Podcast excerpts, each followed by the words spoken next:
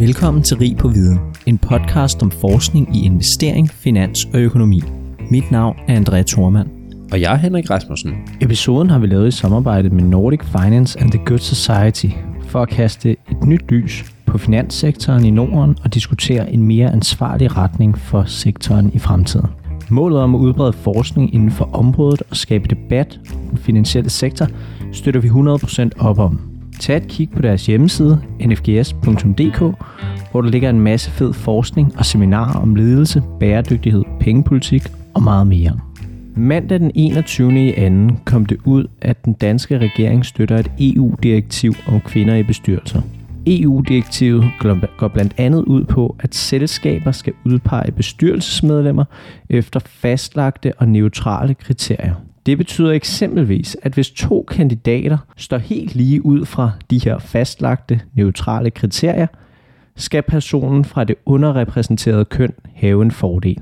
I dag skal vi tale om kvoter samt kønsfordeling i bestyrelser med økonom og professor fra CBS, Niels Vestergaard Nielsen. Tusind tak, fordi du vil være med. Velbekomme. Vi har jo haft dig med før, så vi kender jo efterhånden øh, lidt hinanden. Og i dag skal vi jo faktisk også tale lidt om noget af det, vi talte lidt om sidst, altså noget data, og egentlig også lidt registerdata, ikke? så vidt jeg forstår, som er noget af det, som du, du ved rigtig meget om, Niels. Det er jo et politisk hot emne, det her, vi skal tale om. Så det, vi jo rigtig gerne vil dykke ned i, det er nogle af tallene, som vi synes lidt mangler i den politiske diskussion, og der har I lavet et studie, vi kommer ind på. Men til at starte med vil jeg egentlig gerne høre om, hvorfor synes du, det her emne er interessant? Jo, øh, ja, det er der jo mange grunde til. Uh, nu har jeg beskæftiget mig en del med danske bestyrelser i de senere år, og vi har forsøgt at lave en kortlægning af de mange mennesker uh, aktivitet i danske bestyrelser. Og øh, vi snakker her om 80.000 mennesker, som er engageret i en eller anden erhvervsvirksomhedsbestyrelse i Danmark. Så det er mange, men øh, diskussionen om kønsfordeling, den, og den har, vi den har vi taget op i de mange bestyrelser. Og det er jo meget en historie også om, at øh, familier og dem, der ejer, de prøver at sætte sig på øh, magten eller på bestyrelsesposterne, i, hvad der er ret åbenbart, ikke? fordi de, de ejer virksomheden, og så skal de altså fylde en bestyrelse ud, og så får man let de der, øh, det er nogen kaldte tantebestyrelser, men det er altså mere onkelbestyrelser, og så der er en, en, øh, et, et, et skisma her, at mange kvinder sidder i bestyrelser, øh, fordi de er gift med direktøren, som også er ejer. Altså, de repræsenterer ejerinteresse. Og, så, men, og der har vi så fundet, at øh, nogle kvinder, øh, meget få kvinder, sidder der, fordi de ejer. Mændene sidder i bestyrelser, fordi de ejer. Men kvinderne sidder der i høj grad på grund af familieforhold. Men så er der en, en lille gruppe af kvinder, som, og en stigende gruppe, som sidder der, fordi de ikke har nogen relationer. Og det vil sige, at vi må tolke dem som, det er eksterne, de er veluddannede, øh, og og så nogle mænd er der også. Der er meget færre kvinder, men øh, der er flere og flere kvinder. Og det, og det siger jo lidt om, at man er klart ved at professionalisere en del af det der store bestyrelsesliv i dag i Danmark. Og så øh, det frem, at øh, som meget naturligt, at vi så prøvede at kigge lidt på, hvad er vejen egentlig ind i øh, de øh, børsnoterede selskabers bestyrelse? Fordi vi, nu har vi jo kortlagt vejen ind i mange af de her mindre bestyrelser, og så var det ret åbenbart, at vi skulle kigge på det. Og så begyndte hele den der kvotediskussion at komme, og, øh, og så var det ret åbenbart, at det måtte vi gøre lidt mere ved. Og, øh, og det er vi sådan set i gang med et større projekt omkring øh, rekruttering, eller ikke større projekt, men vi er i hvert fald et par stykker, der er, er, er i gang med at se på rekrutteringen. Og det, det projekt skal vi tale mere om, eller i hvert fald nogle af de resultater, jeg allerede har lidt i forhold til en, en kronik, øh, som ja, kommer til at være helt ny, øh, når den her episode øh, udkommer. Men, men jeg kunne egentlig godt tænke mig at høre lidt tidslinjemæssigt her, Niels, fordi jeg kunne forestille mig, at det ikke er noget, du altid har beskæftiget dig med, det her med køn og, og bestyrelse, så Hvornår begyndte du rigtigt at beskæftige dig med bestyrelser fra et kønsperspektiv? Nej, ja, det er jeg først lige begyndt med, men jeg har altså beskæftiget mig med, med kønsforskel på arbejdsmarkedet i, i øh, ja, lige så længe jeg kan huske. Og øh, så, så det, det, det går meget, meget langt tilbage. Øh, og det var lige så snart, vi fik fat i, og vi kunne bruge registerdata, så var det begyndt at blive ret åbenbart, at kønsaspektet var selvfølgelig vigtigt. Og øh, det har jeg, øh, jeg har været med i forskellige kommissioner om det, øh, blandt andet i, i den, der hed Arbejdslivs- og Familiekommissionen, hvor vi faktisk havde hele diskussionen om, om, øh, om, om øh, barselsoverlov til mænd og sådan nogle ting oppe. Men hvor det var kvinderne, der stoppede mændene i, i udvalget og i kommissionen der, i at få nogle bedre barselsregler. Faktisk så foreslog vi de barselsregler, som man nu er ved at indføre for nu snart 10 år siden. Ja, det, er jo, det er jo super. Altså. Det er jo, hvad kan man sige, et helt andet emne, men også relateret til, fordi at barsel har meget betydning for, for det emne, vi skal ja. tale om i dag nok, ja. også og karriere og så videre. Ja. Men jeg tænker, øh, først skal vi måske tale lidt generelt omkring det her emne, inden vi dykker ned i jeres resultater, også for lidt at få dit perspektiv øh, på det, Niels. Altså, først og fremmest, hvad ved vi om de bestyrelsesmedlemmer, der sidder der, i forhold til præcis det her, du siger om man kalder det tantebestyrelser, men det er nok i højere grad onkelbestyrelser, ikke? Altså, jo. er det sådan, bestyrelsesmedlemmer bliver valgt i dag? Det er folk, man kender, det er gode venner, det er familie osv.? Jamen, det er meget forskelligt, og nu skal vi, nu skal vi lige være enige om, om hvorvidt vi snakker om børsnoterede selskaber, eller vi snakker om alle de andre selskaber. Er der stor forskel på de her to? Ja, det er der. Hvis vi tager børsnoterede selskaber? Ja, men der er det jo der sidder man jo ikke, fordi man er i familie med nogen. Øh, det er meget få. Det er der nogle få, der gør. Men hvor vi siger, der er et familieforhold. Øh, og man sidder der heller ikke, fordi man ejer en stor portion af aktierne. Øh, så man sidder der, fordi man er professionel. Og øh, jeg skal ikke, og, og, og der har vi jo så forsøgt, og det kan vi jo vende tilbage til, ikke? men at ligesom sige, hvad, hvad er det, der gør, at hvordan kvalificerer man sig til det at komme i en bestyrelse? Øh, og, og, og der er nogle ting, vi kan se på, så er nogle, vi, vi ikke er så dygtige til at se, men der er der nogle gode sociologer, der godt kan se på, hvordan det der, og det er sådan en netværksteori, der gør sig gældende her. Det er ikke noget, vi kan rigtig, det har vi ikke instrumenter til som økonomer. Nej, fordi at, altså, jeg tænker, altså det er jo nok oplagt, at når det er meget store virksomheder, og de børsnoterer osv., eller offentligt øh, noteret, så er de i hvert fald ikke lige så høj grad øh, unge bestyrelse, men alligevel i forhold til den her udvælgelsesproces, er der vel noget, altså nogen, der har arbejdet sammen tidligere, man hører meget om det her med, at man vælger folk, der ligner en selv. Er det noget, vi ved noget om? Øhm, jeg vil ikke sige, at jeg ved så meget om det, øh, men, men øh, og det er en hypotese, som vi faktisk godt kunne kigge lidt på, fordi der er jo det, øh, men, men spørgsmålet om det kommer så vidt ikke, fordi man vil hurtigt finde, at øh, de fleste, der sidder i en bestyrelse i Danmark, ikke, de er øh, jurister eller økonomer, og mange af de økonomer, der sidder der, det er nogen, der er uddannet fra CBS. Er i den gode grund, at CBS uddanner flest økonomer, der er tættest på de børsnoterede selskaber. Så Øh, og så er der selvfølgelig en del, der er uddannet på Handelshøjskolen i Aarhus, mens den endnu eksisterede.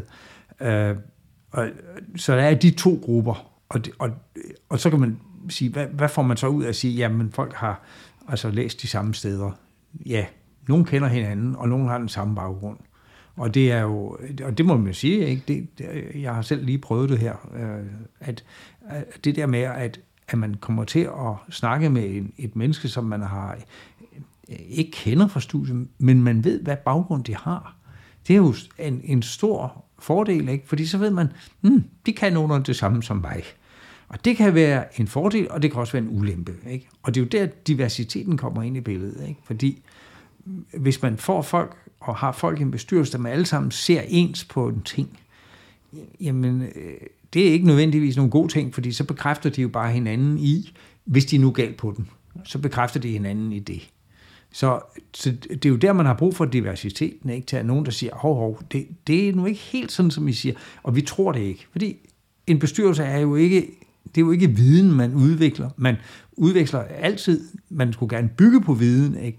og så skal man tage en, øh, så skal man finde en vej. Man skal lede, øh, og, og det kan man jo gøre mange. Der, der er altid mange veje, der fører til noget, ikke? Og, eller oftest, og det vil være rart, hvad der var det oftere, men, men øh, så, øh, så det er jo der, man har brug for diversiteten. Ikke? Og, og noget jeg også lige vil høre om i forhold til netop det her, det er, det lyder som om i dag er der ikke rigtig for børsnoterede virksomheder det her problem omkring onkel bestyrelser men nu har du været i det her game i, i mange år. Altså, er, har udviklingen været sådan, så hvad ved jeg, måske bare for 20-30 år siden, var det i højere grad sådan, så at hvad ved jeg, det var, øh, det var øh, bestyrelsesmedlemmer, der kendte hinanden, øh, sad i en masse andre bestyrelser sammen og så videre. Altså, er det blevet meget bedre det her for de børsnoterede selskaber? Ja, jeg tror, det er blevet bedre. Og, og alene det, at øh, altså kvindeandelen er steget øh, i, i de børsnoterede selskaber siden 2010-11 stykker. Øh, det har, men, så, så på det punkt har det hjulpet, ikke? Men øh, det er jeg ikke i tvivl om. men, men spørgsmålet er selvfølgelig om, og det, og det er jo så det videnskabelige interessante spørgsmål, er, er det en god ting for virksomhederne at få diversitet? Og, og umiddelbart skal man sige, jamen det, det er det nok. Ikke? Det vil være svært at ligesom argumentere imod det i virkeligheden.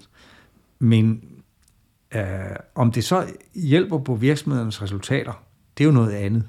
Øh, og, og det er jo det sædvanlige videnskabelige problem, ikke? Er at påvise en effekt. Og, og det er det der kausalitet, som vi har så svært ved, og, som er svært. Øh, og det er jo navnlig svært, fordi man ikke kan lave et forsøg, hvor man, ligesom i medicin, ikke, der kan man give folk en pille, og så kan man se, om de dør af den. Øhm, og så var det nok ikke nogen god pille, ikke? eller så bliver de raske. Og så har man en kontrolgruppe, som man ikke giver en pille. Og så kan man sammenligne de to grupper. Og, de, og det er vigtigt i de medicinske forsøg, at de er udtaget efter lodtrækning. Men det kan man jo ikke i, i, i uh, samfundsvidenskaberne. Så derfor er der så meget sværere at få en, en øhm, sådan en, en kausal sammenhæng, en årsagssammenhæng. Ja. Ja. Uh, og fordi det, der jo i virkeligheden sker, er jo ofte, at en virksomhed, som gerne vil være mere øh, divers øh, på en eller anden måde, eller vil have nye bestyrelsesmedlemmer ind, det er jo fordi, så er der sket noget andet også, og den foretager et eller andet. Det kan være, at den går til et andet land, indfører noget ny teknik, eller øh, får en anden direktør samtidig. Og så kan man jo ikke se noget, fordi så kan man sige, ja, der skete altså nogle forskellige ting, ikke? Men, men i hvilken rækkefølge skete de egentlig? Og det er så sjældent, at, at, at, at videnskaben har været, og der har været forskere med inde, og ligesom at, at iagtage, hvad skete der først, ikke? og kunne beskrive processen. Hvis man kunne det noget oftere, og fik lov at være med som en flue på væggen, så kunne godt være, at man kunne sige noget mere om det. Men problemet er altså, grundet, ned, det er, at ofte så sker der mange ting samtidig, og derfor er det så svært at, at sige, det var lige netop det her, der gjorde det. Ja. Altså det her med at isolere en effekt øh, ja. er især svært, når det kommer til ja.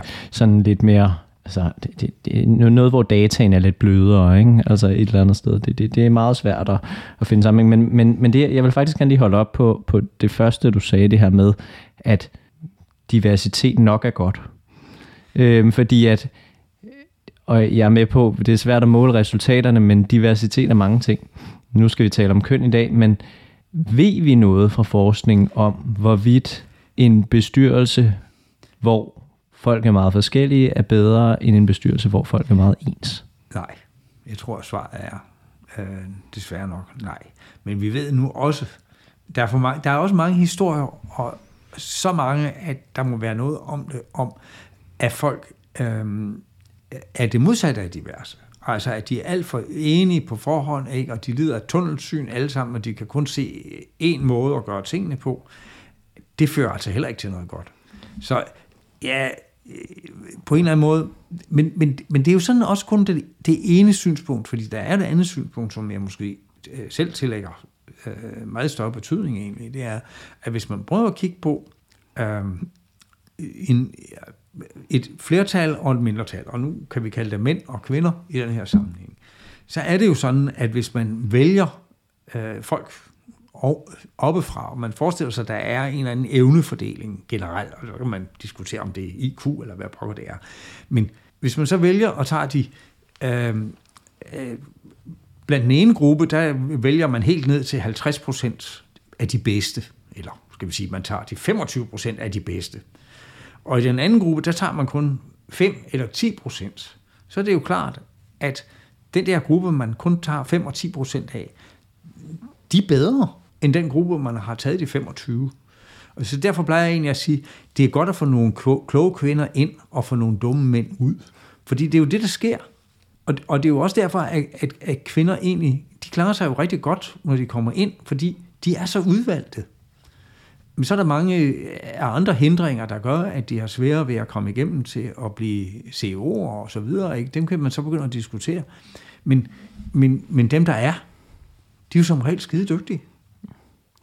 Og, og en anden ting, jeg også lige vil spørge med diversitet, fordi at jeg tror, vi alle sammen har den holdning, at diversitet er nok godt.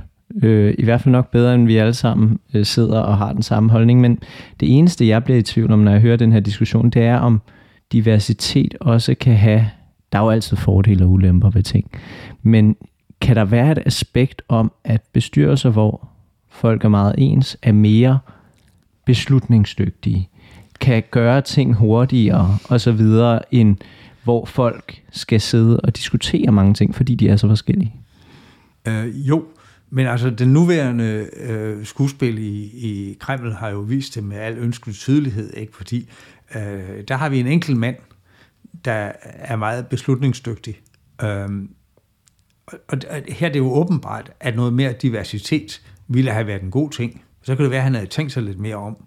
Så det synes jeg egentlig er det allerbedste bevis på det. Man kan være hurtig og forfærdelig øh, dum i sine beslutninger. Ikke?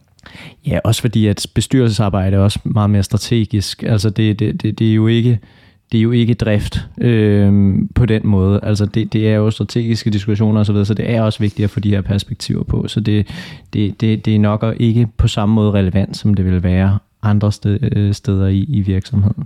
Nej, det, det tror jeg er rigtigt. Og, men, men, men omvendt så, øh, et bestyrelsesarbejde kræver jo øh, helt klart en, øh, det er jo ikke nok bare at, øh, skal vi sige, at have nogle opfattelser af, hvad vej vi skal gå, og, øh, og beslutningskraft osv. Man skal jo også have viden. Og, øh, og, og det er jo der, og det er jo sådan set også grunden til, at vi kiggede på det her, ikke? for at se på, hvad er det for en viden, øh, der til synland skal til, og, og hvad sker der? Øh, er det sådan, at øh, er der nok kvinder, der har den basale viden om, hvordan man skal lede en virksomhed, og hvad, hvad der foregår i en virksomhed. Ikke? Øhm, og, øh, og det kunne man jo også stille om mænd, det spørgsmål. Ikke? Men, men, men det har der jo været nok af. Ja. Øh, og så kan man sige, man kan jo sige, og akademisk viden er jo en ting, men det er ikke nok. Man skal også have erfaring fra tilsvarende beslutninger.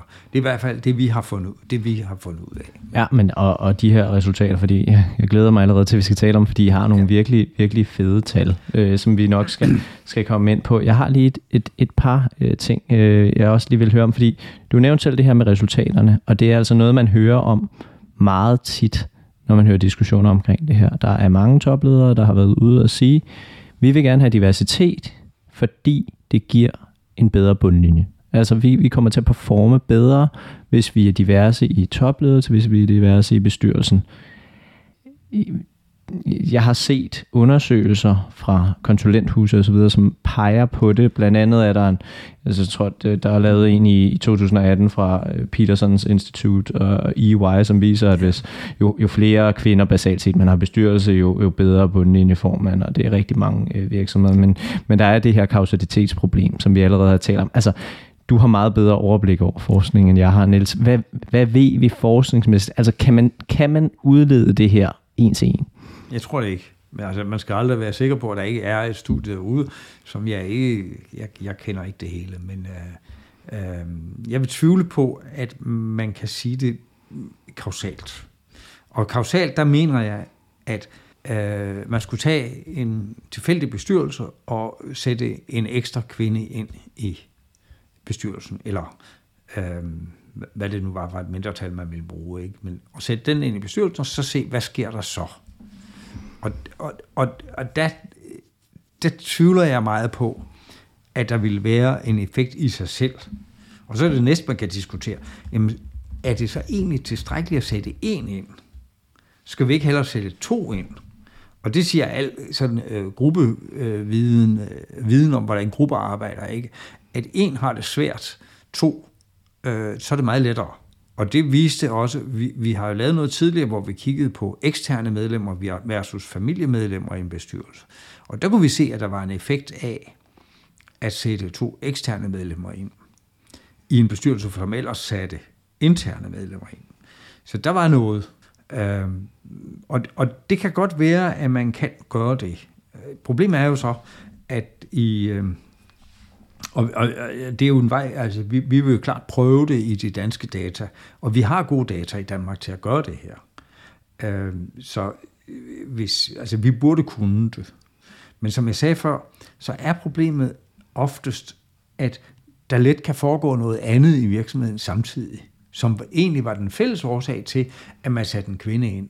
Fordi man får ikke lov at lave eksperimentet, øh, hvor man altså har to ens virksomheder, så sætter en kvinde ind i den ene, en kvinde ind i den ene bestyrelse, og ingen i den anden. Øh, det eksperiment får man ikke lov at lave.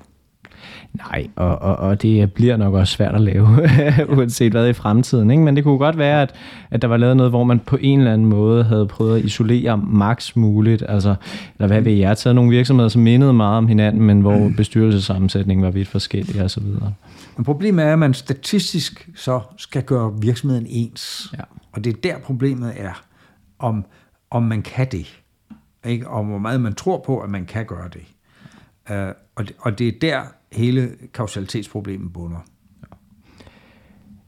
Vi skal, jeg synes, vi skal hoppe lidt videre, fordi at der har jo været eksper, eller ikke eksperimenter, der er jo lovgivning i Norge omkring det her med kvinder i bestyrelsen og nu er jeg lidt i tvivl om, at det er en kvote om 40 procent øh, ja. øh, i en bestyrelse skal være, bestå af kvinder. Så vi kender det jo godt lidt, men, men det jeg lidt ville høre om, det var, ved vi noget om erfaringen fra Norge? Har det været godt? Har det været dårligt? Hvordan tager virksomheder imod sådan nogle ting her? Øh, jamen, nogle virksomheder har klart stridt imod. Og øh, der er historier om, at øh, nogen siger, at øh, der er blevet færre øh, selskaber. Så folk har simpelthen øh, ændret øh, statutterne i en virksomhed, sådan at det er blevet øh, trukket ud af markedet. Og øh, men det ved jeg ikke helt, om jeg øh, helt tror på, at det er gået sådan. Så er der et andet aspekt, ikke? og det er jo det der med, om der så er nok øh, kvalificerede kvinder til at sidde i bestyrelsen. Og hvad kan man gøre med det, hvis der ikke er det? Så kan man tage udlændinge ind, og, og, og så har vi igen kausaliteten, ikke? fordi at man tager udlændinge ind i en norsk virksomhed, det vil betyde, øh, og det har jeg lige fået bekræftet, ikke? Jamen, det betyder jo så, at så skal man til at tale engelsk. Og det kan jo i sig selv betyde rigtig meget i en virksomhed. Nogle virksomheder, de er parat til det, andre, og der vil det være en stor fordel for dem, fordi nu kan de komme ud på andre markeder. Andre virksomheder, der vil det være øh, meget besværligt, og de er slet ikke parat til det. Og, og det er jo så, her er vi igen tilbage til kausaliteten, ikke? Øhm, så, øh, og, og så er der det der med, at de, de lokale kvinder, om man så sige, de norske kvinder, ikke, de er blevet overbebyrdet og, og kan vælge at varve. Øh, øh, selvfølgelig, og det er jo en fordel for dem.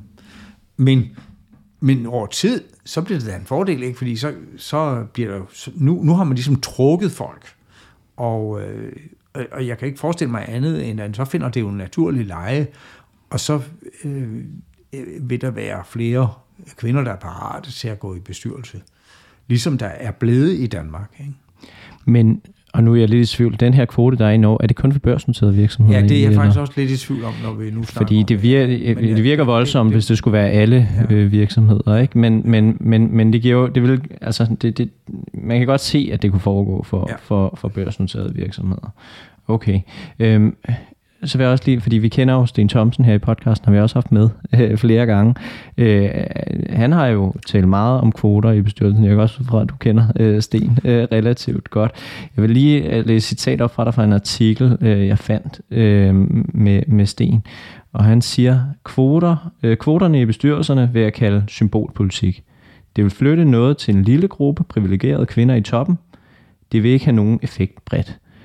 Hvad tænker du om det citat, og er du, er du enig i det? Ja, egentlig. Øhm, og jeg var i hvert fald enig indtil i går, tror jeg nok. Men det skal jeg komme tilbage til, hvorfor jeg måske alligevel ikke er helt enig. Men, men jeg må også sige, at, øh, og jeg har diskuteret det med min medforfatter, øh, som hedder Therese Strand, og hun har den samme opfattelse, som jeg, at koder generelt er noget skidt. Og det er jo, det, det er jo en almindelig økonom opfattelse, at kvoter er noget skidt, fordi øh, man tvinger folk til en adfærd, som ikke nødvendigvis er en fordel for dem. Og det, og det vil altid give dårligere resultat, end hvis der ingen kvote er. Øh, det er sådan et overordnet synspunkt. Ikke? Fordi man kan, øh, hvis det var så åbenbart, og det er jo, det, det er jo sådan et markedsøkonomisk argument er, hvis det er så åbenbart, jamen hvorfor er der så ikke nogen, der gør noget mere i det her? Ikke? Og, og, og ligesom udkonkurrere de andre. Øhm, og det, det er jo økonomers øh, opfattelse af verden, ikke? Som, som kommer ind her. Øh, men nogle gange skal den hjælpes lidt. Og det, og det er jo det, der egentlig er spørgsmålet og problemet med kvoter i den her sammenhæng. Øh, så, så Sten har jo ret i, at det er en symbolpolitik. Det, det, det, det vil der ikke være nogen tvivl om. Men det er jo sådan set også hele ideen i den. Ikke? Øhm, så vil jeg så fortælle om lidt, ikke, hvor umiddelbart kunne man se, kunne man så tro, at det her det er lidt at sparke en åben dør ind. Og så er det jo virkelig symbolpolitik. Fordi så er det bare nogle politikere, der gerne vil promovere sig på noget. Og, og, og det var egentlig min opfattelse, indtil jeg begyndte at kigge på data på lidt anden måde. Men det kommer vi lige tilbage til. Ja, det er, det er noget af en cliffhanger, især også det her med din holdning, øh, som, som jeg tænker, vi tager efter, vi har taget øh, resultaterne. Men lad os hoppe videre til, til den kronik, som jo ikke er udgivet endnu, øh, men, men kommer til at være det. Øh, så jeg ved ikke engang, om der er en titel øh, på den, øh, som er færdig endnu. Men du har i hvert fald skrevet en kronik øh, sammen med øh, Therese ja. øh, om netop det her emne. Så lad os lige starte med at, at, at tale om lidt, hvorfor, altså du har fortalt din interesse, men, men hvad, hvad gjorde, at du følte, du var nødt til at skrive den her kronik? Jamen, vi er jo i gang med et projekt omkring øh, rekrutteringen af, af kvinder til bestyrelsen. Og øh, Øh, og det gør vi sammen med en amerikaner, øhm, øh, som også er i, inde i den, den amerikanske litteratur om det. Så det var jo forsøg på at lave en videnskabelig artikel. Men du kom debatten op, og så tænkte vi, nu vil vi nok lige prøve at stramme vores øh, resultater op, fordi vi har lavet en del i den sidste tid, øh, og, og, og så prøve at få dem ud og på den måde påvirke debatten lidt. Og, og det var grundlaget for at lave den, og for at begynde at arbejde på den, og jeg håber, at vi, kan blive færdige i løbet af nogle få dage faktisk, fra nu af. Øhm, ja. Vi skal nok sørge for, for at dele den, men, men, men kan du ikke fortælle lidt om, hvad handler det her om? Altså både pro- dels projektet, men, men også kronikken, fordi jeg tænker, det ene udspringer af det andet. Altså, hvad, hvad er det, I undersøger, og hvad er sådan konklusionerne i det? Altså det, vi, øh, der, der egentlig lå til grund for det her, var at sige, at vi vil gerne prøve at kridte banen op og vi vil gerne se, hvad er det for en bane, vi har med at gøre. Ikke? Og, øh, og, og, det, og den, den, det vi kan se, ikke, det er, at hvis vi kigger på de børsnoterede selskaber, så øh, var det sådan, at de i nullerne, der havde de en halv kvinde i gennemsnit siddende i bestyrelseslokalet. Det har ikke set så pænt ud. men, men, øh, og så sker der noget. Sådan at øh, de ved slutningen af øh, i, i 20 2020, som er de sidste data, jeg har, øh, der øh, er der faktisk øh, 1,5 kvinde. Det ser lidt pænere ud. Og øh, så det er altså lykkedes at, at sætte damerne sammen til halvanden. Ikke? Og det er meget bedre end en tryllekunstner med oversaget, hvad damer kan gøre. Så øh, øh, og hvad er det, vi går fra i procent? Er det sådan noget fra 10 procent kvinder i danske børsnoterede virksomheder? Nej, der er vi til 20 procent, eller hvordan? Fordi, nej, vi er oppe på, ja, fra under 10 til, over, til godt og vel 20. Ja. Det er så det overordnede. Øhm, og så kunne man, hvis man så ser på gennemsnittet, så er der samtidig sket det, og det øh, havde jeg bemærket, og jeg synes, jeg var lidt, lidt spøjs, det var, at antallet af bestyrelsesmedlemmer simpelthen gik op med en i samme periode. Så umiddelbart kunne det jo se ud som om, at bestyrelsen de havde rettet sig efter det, som, øh, som komiteen for, for god selskabsledelse øh, var kommet med i, de, i den ændring, de lavede i 2011, altså en anbefaling om god selskabsledelse. Øh, der lavede de i 11, der tog de øh, kvinder og diversitet ind, som en, en vigtig ting. Og det havde altså effekt. Øhm, og det var den, der har været forskellige formænd for de der øh, øh, øh, komiteer, og det, og det er, mens øh, Birgit Aargaard Svendsen var, var formand for udvalget. Så det var meget naturligt, hun satte sig et, et, et, et sæt præg på det. Og, øh, og det til synligheden virkede det, men det skete altså ved, når man ser på gennemsnittene, så virkede det ved, at øh, gennem det, at, at de simpelthen bare udvidede antallet af bestyrelsesmedlemmer med en, ikke? og så øh, fik man på den måde den her ekstra kvinde ind. Og det, det er jo egentlig en smuk historie. Men, øh, men, men så begynder jeg at kigge nærmere på det, hvordan, hvor mange virksomheder øh, og mange af de her børsnoterede selskaber øh, havde faktisk overhovedet ikke nogen kvinder i bestyrelsen. Fordi den der halve, ikke, det kunne de jo ikke, det kunne de ikke alle sammen have. Øh, og så viste det sig, at, øh, at 80 procent af alle virksomhederne i nullerne havde ingen kvinder i bestyrelsen, der var valgt af generalforsamlingen. 80 procent. Det er så faldet til 30 procent i 2020. Og det er sådan set der, hvor jeg har tænkt, hmm, ja, altså, det har hjulpet. Der er ingen tvivl om, at, at øh, de anbefalinger, der er kommet, de er blevet fuldt, og man kan tydeligt se, at det sker faktisk først efter 11. Så det, det, det, det er meget, på den måde er det imponerende.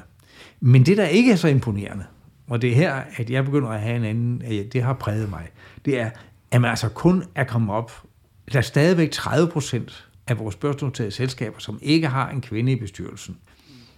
Uh, og, øh, så begynder man så at tænke, ej, det er altså meget. Der er altså 30 procent, der, er, der, der ikke har forstået det her budskab ordentligt.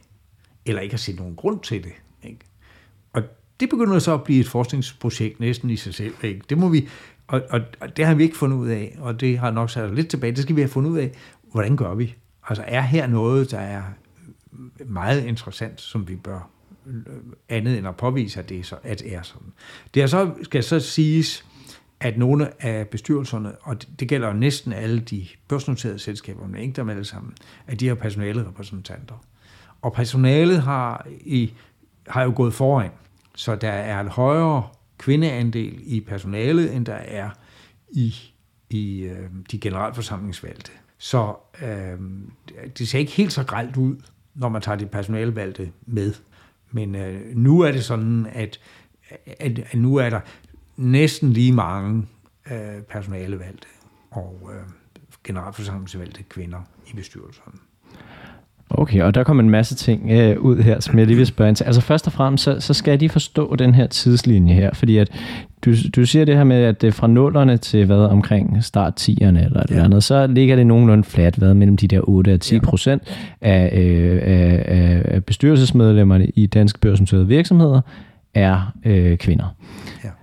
Så sker der noget der i 10-11 stykker, hvor at hvad, hvad er det, der skal? Er det en anbefaling, det jeg, så vidt jeg har læst mig på, så er der kommet nogle rapporteringskrav og sådan noget. Er det, er, og Nå, så begynder det, det at stikke det er, af? Eller, det, er en, det, der, en, det er en soft law. Det er en anbefaling om at, øh, at tage det med i, i, øh, skal vi sige, i de overvejelser, bestyrelsen skal gøre sig. Er det de her governance-anbefalinger, øh, ligesom øh, der er anbefalinger om optioner, aflønning ja. og alle mulige andre ja. ting? Ja. ja. Så det er soft law, øh, som det hedder i modsætning til, hvis det var noget, de skulle, sådan at, at det kunne stå i regnskab. Øhm, det skal det ikke. Men de skal rapportere i regnskabet op imod det. Altså, hvordan står vi i forhold til anbefalingerne for god selskabsledelse? Gør de ikke det sådan noget? Jo, ja. altså de bør, øh, men, men igen, det er, det, er jo ikke, det er jo noget krav, men, men man anbefaler, at de øh, forholder sig til hvordan de gør i relation til alle de anbefalinger, der kommer. Ja. Og de ændrer sig hele tiden, ikke? Lidt. Øhm, og, og det gør virksomheden vel på den måde, at de, øh, altså det, det kryber, det er, jo, det er jo en vældig udmærket måde at gøre det på, fordi det, så kryber det langsomt ind i bestyrelseslokalet, ikke? Og, øh, og de er godt klar over, at det der, det skal de gøre. De skal også lave bestyrelsesevalueringer og sådan noget, ikke? Og det finder man ud af, at men det var nok ikke så tosset, ikke? Og så gør man det. Men er det umiddelbart efter den her, kommer den her anbefaling omkring 10-11 stykker? Den kommer i 11. Den kommer i 11, så det er, derfor, det, er det, der trigger, at der begynder at ske noget. Ja, men, men så har der jo været en snak om det i gang imellem, ikke? Og øh, også, ikke? Og, og, og der er jo ikke nogen tvivl om, at og øvrigt så stiger det jo så øh, herefter. Og det øh, vil jeg egentlig gerne lige øh, øh, også gå tilbage til, at, at det er jo så nogle af de ting, vi har kigget på. Øh, det har været, jamen hvordan er øh, tilgangen? Fordi det var jo en åbenbar måde at se på, jamen, øh, fordi mm, det må man jo se i øjnene, hvis, øh, hvis øh, det er sådan, at der måske i dag kun er 20% kvinder i bestyrelserne, ikke? Men, men for at der skal komme flere ind, ikke, så skal tilgangen jo altså være højere af kvinder. Og derfor kiggede vi på tilgangen af folk, som aldrig har været i en børsnoteret selskabsbestyrelse før. Og der er tilgangen faktisk sådan, at kvinderne er op på øh, midt i 30'erne procent, altså 35 til 38 procent af, af dem, der kommer ind, det er kvinder. Og det vil sige, hvis det bare får lov at køre igennem nogle år, ikke, jamen så er vi næsten op på de 40.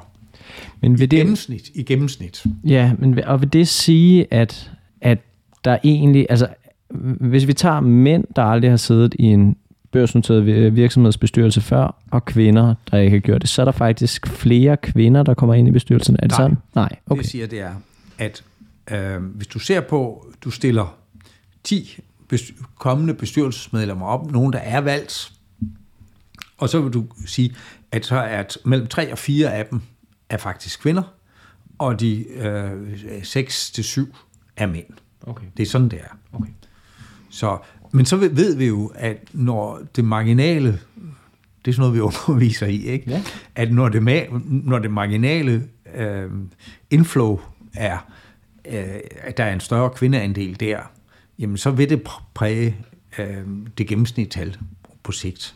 Ja, fordi men, det er højere end det gennemsnitlige ja, tal, og så men, trækker det det men, op. Men det var her, min erkendelse øh, kom ind, ikke? fordi ja, det ved det, de steder, hvor der er kvinder, men ikke nødvendigvis steder, hvor der ikke er kvinder. Så det, derfor så kan vi jo kigge på dem, hvor der slet ingen kvinder er i bestyrelsen. Og det er jo dem, der begynder at blive interessante, ikke? For, fordi hvis ikke de kommer med, så, nu ikke, så kan jo andre have øh, 50 procent øh, kvinder i bestyrelsen, ikke? Men det, det, det, det fører ikke til flere kvinder i dem, der har nul. Nej, og, og, jeg, og jeg vil rigtig gerne springe til den her øh, konflikt, fordi jeg kan godt mærke, at det, jo, du sidder over og overvejer det nærmest, øh, øh, hvad hedder det, øh, lige nu. Ikke? altså, så, så, så, så, så lad os endelig hoppe ned i det, men, men, men jeg vil gerne lige spørge om, om, to ting til dine resultater også. Øh, inden, altså, fordi det er jo lidt det her, om det er en åben dør eller ej. Og det ja. er jo det, vi lidt prøver at finde ud af. Der er nogle ting, der peger på, at det er, og nogle ting, der peger på, at det ikke er. Og det er det, der ligesom konflikter op i hovedet. Ikke? Men først og fremmest, øh, du nævnte også det her med medarbejderrepræsentanterne. De, nu skal jeg lige øh, huske øh, resultaterne. Kan man tolke det sådan, at medarbejderne egentlig er mere fremme i skoene, når det kommer til diversitet, end øh, de generalforsamlingsvalgte bestyrelse, eller generalforsamlingerne? Ja, det kan man godt. Okay. Og det har de været længe. Det, det tror jeg sagtens, man kan. Og man skal jo også huske på i den sammenhæng, at øh, øh, og det gælder jo helt generelt i vores samfund, ikke? og det, det er jo så et andet problem, ikke? det er, at i den private sektor er der jo ikke så mange kvinder, som der er mænd, og i den offentlige sektor, der er det omvendt. Altså, så, så man kan sige, hvis kvinderne skulle være, øh, det er lige ved, at kvinderne har en repræsentativ, øh, eller de er repræsenteret ved deres tal i den private sektor, ikke? hvis ja. de har øh, omkring 40 procent. Okay, Okay, altså at det, din, den private sektor er bedre end den offentlige sektor? Ja, den private, nej, nej, det jeg siger, det er, at hvis du kigger på antallet af kvinder i den private sektor, ja. i forhold til mænd, ja. så er, øh, ah. øh, udgør kvinderne et mindretal, øh, og jeg vil skyde på, det, vi, vi snakker måske 40 procent af dem, der er ansat i den private sektor, øh, det er kvinder, og det er 60 er mænd. Og i den offentlige sektor er det omvendt. Ikke? Så vi har, jo, vi har jo altså i forvejen et kønsopdelt arbejdsmarked. Ikke? Men der er det så, at ude i virksomheden, så vælger man øh, meget ofte øh, sådan, at der er lige mange mænd og kvinder, ikke? I, når man skal vælge repræsentanter til bestyrelserne. Ja, okay. okay. Øhm, og det andet, jeg lige vil høre om, det er i forhold til det her med uddannelsesniveau. Og det er også lidt det her med, fordi at man, man hører meget, at, at altså, der har jo været et efterslæb, det er jo klart. Altså et helt tilbage, fordi at kvinderne kom på arbejdsmarkedet senere end mænd. Hvad, hvad var det, 60'erne, 70'erne eller et eller andet. Øhm, og, og, så er der jo ja, et uddannelsesmæssigt efterslæb, men det vil, altså, vi, vi begynder vel at catche rimelig godt op. Der er ikke særlig mange øh, kvinder, som er hjemmegående mere, eksempelvis i, i Danmark. Vel? Men det, der måske navne spiller en rolle, ikke, det er om, om øh, kvindernes, øh, hvor mange kvinder, der går på, på de uddannelser, som øh, normalt rekrutterer folk til, til forretningslivets top. Og, øh, og, og der er jo sket det, og det er så sket noget senere, om du siger det, ikke? fordi øh, faktisk er hele det der, det, altså det, det er, ligger 10 år senere, mm. men, men øh, øh, kvindernes indtog på de øh, merkantile uddannelser, det sker jo endnu senere. Og, øh, og, og, og så går der jo et stykke tid fra, at de, altså, og nu udgør de jo et flertal. Øh, jeg tror, med starter sådan en overgang af CBS-studerende, øh, så er der flere kvinder, end der er mænd. Er det ikke rigtigt? Jeg kender faktisk ikke tallene, men så er der jo så, hvis du så går ind i de enkelte uddannelser, så er der det her problem med, at alle dem, der er måske de lidt mere øh, øh sådan, taltunge uddannelser, finansiering og sådan noget, så er der en meget lille repræsentation ja. af kvinder, men hvis du går over i human resources og så videre, så er der en ja. overvægt. Ikke? Så, men, men, men du kan jo sige, det er jo stadig en merkantil uddannelse, ja. hvor der så er en Men, en men selv DTU har øh, i dag øh, en del kvinder, ikke? Ja. Øh, hvad de ikke altid har haft, ikke? Så, og de slet ikke har haft. Ikke? Så det, det, der er ingen tvivl om, at kvinder er i langt højere grad kommet ind i de højere uddannelser. Og, og ser vi på tallet for, hvor mange der har en højere uddannelse, ikke? Øh, og det har vi så prøvet at gøre op her også, jamen så er der jo ikke nogen tvivl. Altså så er kvinderne i virkeligheden, også hvis vi kigger blandt bestyrelsesmedlemmerne, dem der i dag er bestyrelsesmedlemmer, øhm, så er kvinderne på højde med mændene. Og kigger vi på tilgangen, de nye medlemmer til bestyrelsen, så er kvinderne bedre uddannet end mændene. Og det vil sige, at de har mere, øh, der er flere af dem med en masteruddannelse, øh, hvor der er flere, og det hænger jo så også sammen med, at mændene er, øh, der er flere teknikumingeniører, som jo trods alt er en bacheloruddannelse. Ikke? Men kan vi ikke lige få nogle af tal, fordi jeg ved, du har nogle af tallene, jeg ved ikke, om, om du har skrevet dem ned, Niels. Øh. Altså, kan vi, har du nogle tal omkring det her med uddannelse, som vi kan, vi kan slå øh, ned på, jamen som er det, de vigtigste? Ja, det synes jeg måske ikke er okay. så relevant. Ikke? Okay. Det må jeg sige, jamen, kvinderne er simpelthen bedre uddannet end mændene. Og, og, og det kan vi se blandt øh, både, at, og det ved jeg, det er det, øh, hvis du ser sådan en ungdomsårgang, yngre ungdomsårgang. Men, men det min pointe var lidt, at det er at sige, jamen, det fører til, det tager lidt tid før, at de kommer op til det, det aldersgruppe, hvor man begynder at komme i bestyrelse. Øhm, og, det, og det er jo det, vi har set, og det er jo også derfor, at, at vi så ser den der bevægelse. Det er jo en af forklaringerne på, at vi ser den der bevægelse i, i tierne øh, fra 11 og fremad, ikke? fordi nu er der kommet nok kvinder. Men det, der også er karakteristisk, det er, at vi kigger på, hvad er gennemsnitsalderen? Uh, og, og det rører lidt ved det her problem, ikke? at så er gennemsnitsalderen for kvinder, den ligger nede på omkring 47, og den ligger på 52, omkring 52 for mændene. Okay. Altså blandt dem, der kommer ind nye i en bestyrelse. Det vil sige, at kvinderne er lidt yngre, så vi, vi igen, vi tager lidt en anden gruppe, ikke? Um, og det, og, Men det er vel okay, det viser vel, jamen, at man er villig til... Ja, ja, og at, det viser, at, at man er på vej, ja. ikke? Um, fordi hvis, man skulle egentlig gerne ende med, at det var måske samme alder, ikke? Men, men øhm, sådan er det. og at kvinderne er så marginalt lidt bedre uddannet. Ikke? Men det er jo øh, det er igen her, vi snakker om, det er jo ikke voldsomt store forskelle, der er. Øhm, og så er der et andet punkt, ikke? Og, og det var egentlig den anden bekymring, vi havde, ikke? det var at sige, eller den anden tanke, vi havde, det var, at der var forskel på den måde, de blev rekrutteret på. Fordi hvis vi kigger på øhm, nuværende bestyrelsesmedlemmer, så kan vi se, at mændene har jo en massiv øh, erfaring som øh, CEO'er og topledelse. Og det har kvinderne ikke. Og øh, de har både, der er færre af dem, der overhovedet har det, der er meget færre, plus at mændene har lang erfaring, som øh, og vi har, øh, med registerdata, der kan vi kigge på, hvor lang tid har de haft en toplederstilling. Og øh, det kan kvinderne slet ikke øh, hamle op med. Øh, og, og, og så kiggede, har vi kigget lidt på, øh, selvfølgelig på, også på tilgangen af de, de nye personer til bestyrelsen, som altså aldrig har været i en tidligere bestyrelse, i, eller et børsnoteret selskab, så kan vi kigge på deres baggrund. Og øh, det er det samme. Altså, kvinderne er simpelthen ikke, har ikke øh, så meget, der er ikke så mange af de her kvinder, der har den der ledelseserfaring. Men, men, øh, øh, men, men der må man jo se i øjnene, at der har man så hævet en del ud af dem, der har det. Og det er dem, der kommer med i gruppen her. Uh, ligesådan viser det sig, at det også er en fordel for rekruttering, hvis man har siddet som et ekstern medlem i en ikke børsnoteret selskabsbestyrelse. Ikke? Det er der også en del, der har. Uh, så det tæller sådan set for både mænd og kvinder. Så der er altså et vist et træningselement i at sidde i bestyrelse, der gør, at nogen får øje på en, og så siger, jamen, vi vil, vi vil gerne tage dig ind i en børsnoteret selskabsbestyrelse. Ikke? Ja. Men, men, men så lad os prøve at hoppe lidt til det her med din holdning og holdningsovervejelser, fordi at når vi taler om mange af de her ting, så synes jeg, at jeg ser mange, mange ting, der går i den rigtige retning øh, fremad. Ikke? Altså hvis vi, hvis vi bliver enige om, at diversitet er godt øh, i bestyrelsen, så kan man sige, kvinder bliver bedre og bedre uddannet, Øh, kvinder får mere og mere ledelseserfaring, det er også ved at catch up. Ikke? Øh, det har vist sig siden øhm, øh, start 10'erne, at der kommer flere og flere kvinder ind i bestyrelsen. Så der er rigtig mange ting, der går i den rigtige retning. Så spørgsmålet er jo så, synes du, at vi sparker en åben dør ind, hvis man indfører kvoter, eller er der et behov? Ja, det vil jeg sige, jeg tror, jeg mener, at for hovedparten af virksomhederne, der sparker vi en åben dør ind. Fordi de har kvinder i bestyrelsen. De er meget tæt på, og de, de bevæger sig frem til, at de har mere end 40 procent.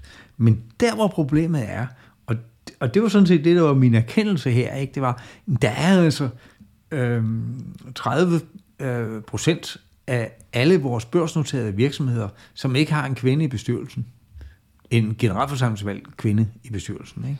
Ja, og, og, det... og, og der er det ikke nogen åben dør, man sparker ind.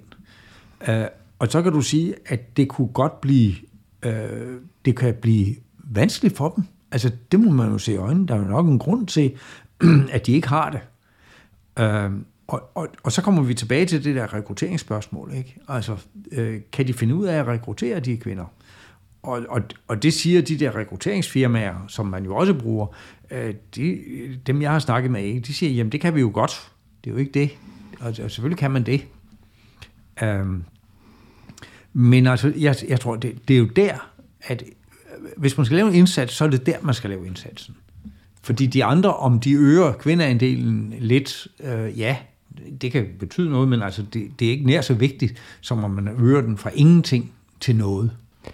Ja, så, og, og den her med fordelinger, det er, jo, det er jo også det, jeg synes, der faktisk er super interessant, og et perspektiv, som man ikke så tit får på det, øh, fordi det kræver, at man, man lige går et spadestik dybere. Ikke? Det er jo, at, at hvis vi siger, at der i gennemsnit er 20 procent øh, kvinder i danske bestyrelser, så er der 30 procent, der har, eller 30 procent af den samlede population, som har 0 procent kvinder, og 70 procent, som har mere end 20 procent. Ikke? Altså, jeg ja. ved ikke, hvor meget det er, 30 procent eller sådan ja, noget. Ikke? Sådan øh, altså meget tæt på de 40 procent. Ja. Øhm, og det er ligesom, at det, der drejer lidt, fordi at der er jo stadig er den her, altså 30 procent er mange. Øh, det, det er rigtig mange øh, virksomheder. Ikke? Øh, ja, men så kan, kan man hvorfor, hvorfor har de ikke det? Altså, hvad, hvad, Jamen, hvad, men, men, vi det ved det jo ikke. Nej, og det er, jo, det er jo sådan set det, der... Øh, det, det synes jeg nu er, bliver den, en, en interessant udfordring, om vi kan, øh, om vi kan finde ud af, øh, hvad der... Og, og den gruppe er jo interessant, ikke? Fordi vi kan jo følge dem over en ret lang periode, og så se, øh, hvad sker der med de virksomheder, der faktisk tager den første kvinde ind, ikke? Så, øh, så, jeg, så jeg, jeg tænkte, det her, det er måske sådan rent forskningsmæssigt, så kan det godt være, at at, at det her det er det mest, den mest interessante synsvinkel, vi kan få på det. Øhm, men, men, men så vil jeg også sige, ja, øh, så problemet er jo, om man med vold og vagt skal tvinge dem til at få et, et antal øh, kvindelige bestyrelsesmedlemmer. Og øh, hvis de nu ikke har set nogen som helst nytte i det, fordi der er så få kvinder i hele branchen, ikke? og den slags ting, så kan man jo spille det til spørgsmål, jamen, er sådan en statslig kvote, at, er det ikke bare en, ny snublesten at lægge ned over erhvervslivet. Ikke? Uh, det, det, det, det, det vil være sådan en typisk økonomreaktion, som jeg også har. Uh, og, og man kan jo se, og det synes jeg, de her tal viser meget tydeligt, at det, at, at man begynder at snakke om det der i 11, øh, i, i øh, komiteen til god selskabsledelse, at de laver, laver anbefalinger, det har en effekt, altså til synligheden har det en effekt øh, på adfærden i bestyrelserne. Og så kan man sige, jamen, hvis man nu laver en regel, ikke, så skal den være tilstrækkeligt blød til, at den ikke bliver betragtet som bare en omkostning. Øh, og det vil jeg egentlig opfordre meget til, at man gør, om alle omstændigheder, uanset om jeg, hvor meget man mener det. Men man kan så sige, at øh, sådan at der er en, en blød øh, hånd i, men måske at man så siger, altså det er noget i, øh, det skal de, man skal tvinge dem til at argumentere og finde ud af, hvorfor de egentlig gør det her. Og, men, men så kan man, og så skal man måske have en vis overgangsordning, ikke? så man siger, jamen det er ikke en, øh, vi, vi forlanger det ikke her og nu øh, fra lovgivers side, men, men vi, vil, vi har det som en, en blød anbefaling, men at man skal argumentere for, hvorfor man ikke gør det. Fordi det, der er jo et andet synspunkt i det her, det er jo trods alt, altså det er jo private penge, det er jo private ejere, og, og, og hvis de ikke vil underlægge sig det her, ikke, så kan de jo så trække selskabet ud af børsen. Og det er jo heller ikke nogen god ting. Øh, og det er jo det, man så har set i Norge. Så i, i de, blandt de mest resistente, ikke, at så kunne man gøre den slags ting. Ja, så hvis jeg spørger dig sådan on the spot, om du er for eller imod øh, kvoter, øh, så vil du nok sige, du er for en eller anden grad af blød lovgivning. Jeg kunne sige, man skal aspirere imod et eller andet, man skal rapportere omkring, at vi har brug for visibilitet omkring, hvorfor I gør det ene eller det andet, men ikke en hård lovgivning, der siger, I skal have 40% eller mere eller mindre kvinder i bestyrelsen. Basta. Ja, øhm, nu er det jo altså ikke sikkert, at vi selv får lov at bestemme, fordi her er vi jo i et større fællesskab øh, med EU, øh, hvor man hidtil har forhindret, at der kom sådan en, en beslutning. Ikke? Men nu er der ligesom ved at være, der er lande, der går ind for, at man gør det.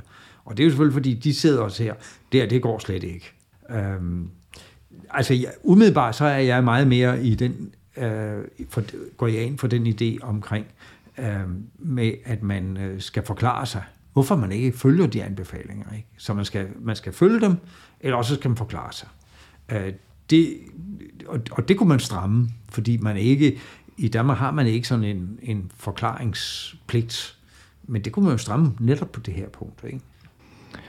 Med de ord, jeg ved ikke, har du noget andet at tilføje, Niels? Fordi ellers så vil jeg sige tusind tak, fordi du vil være med, og jeg glæder mig meget til at se, når projektet bliver færdigt, og din kronik øh, bliver færdig, så vi kan, vi kan læse den. Tusind tak, fordi du var med. Tak for, at du lyttede med til Rig på Viden.